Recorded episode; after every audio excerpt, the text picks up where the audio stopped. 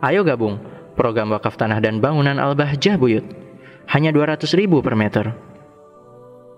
Wa iya duriyatahu dan juga kewajiban yang lain bagi seorang murid kepada gurunya adalah memperhatikan duriyat duriyatahu keluarganya, keturunannya diperhatikan. Anak-anaknya diperhatikan, anak-anaknya guru itu diperhatikan. Kalau waktunya sholat diingatkan sholat, ya. Waktunya ngaji diingatkan ngaji. Ya, nggak boleh ada kecuekan kepada keluarga guru itu nggak boleh. Itu tanda hatinya mati Orang-orang terdahulu itu jangankan sampai kepada keluarganya. Nah, ayamnya itu loh dihormat. Diceritakan dulu ada guru bubar dari kelas setelah ngajar dengan santrinya bubar dari kelas ternyata santrinya nggak bubar-bubar dari kelas padahal gurunya sudah lama pergi kata teman-temannya kenapa ini nggak keluar dari kelas ntar dulu kenapa ditunggu 5 menit sampai 10 menit nggak keluar-keluar kenapa ternyata di pintu kelas itu ada ayam gurunya. Nunggu ayam gurunya ngilang baru keluar dari kelas. Makanya orang dulu ilmunya top chair. Orang sekarang ilmunya memble. Wadah waduh otaknya hadis terus yang dihafal. Hukum Masya Allah, tapi memble.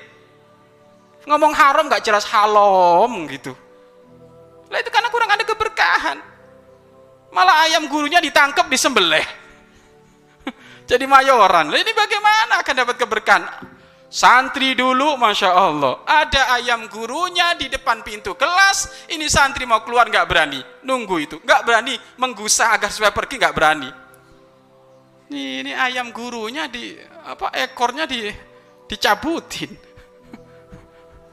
ya. Nah ini ini ini memang ini adab akhlak ini penting. Adab akhlak itu penting. Cara pandangmu yang mulia kepada gurumu itu adalah termasuk adalah mempengaruhi hasil dari apa yang kamu hafal, mempengaruhi hasil yang kamu kamu kamu kamu pelajari, mempengaruhi hasil yang saat ini kamu mujahadah dari pesantren. Itu kuncinya ada di situ. Kamu di pesantren itu sudah dapat ilmu, sudah dapat rasa capek mujahadah. Tinggal kuncinya adalah keberkahan itu. Keberkahan di mana? Di adab, di akhlak.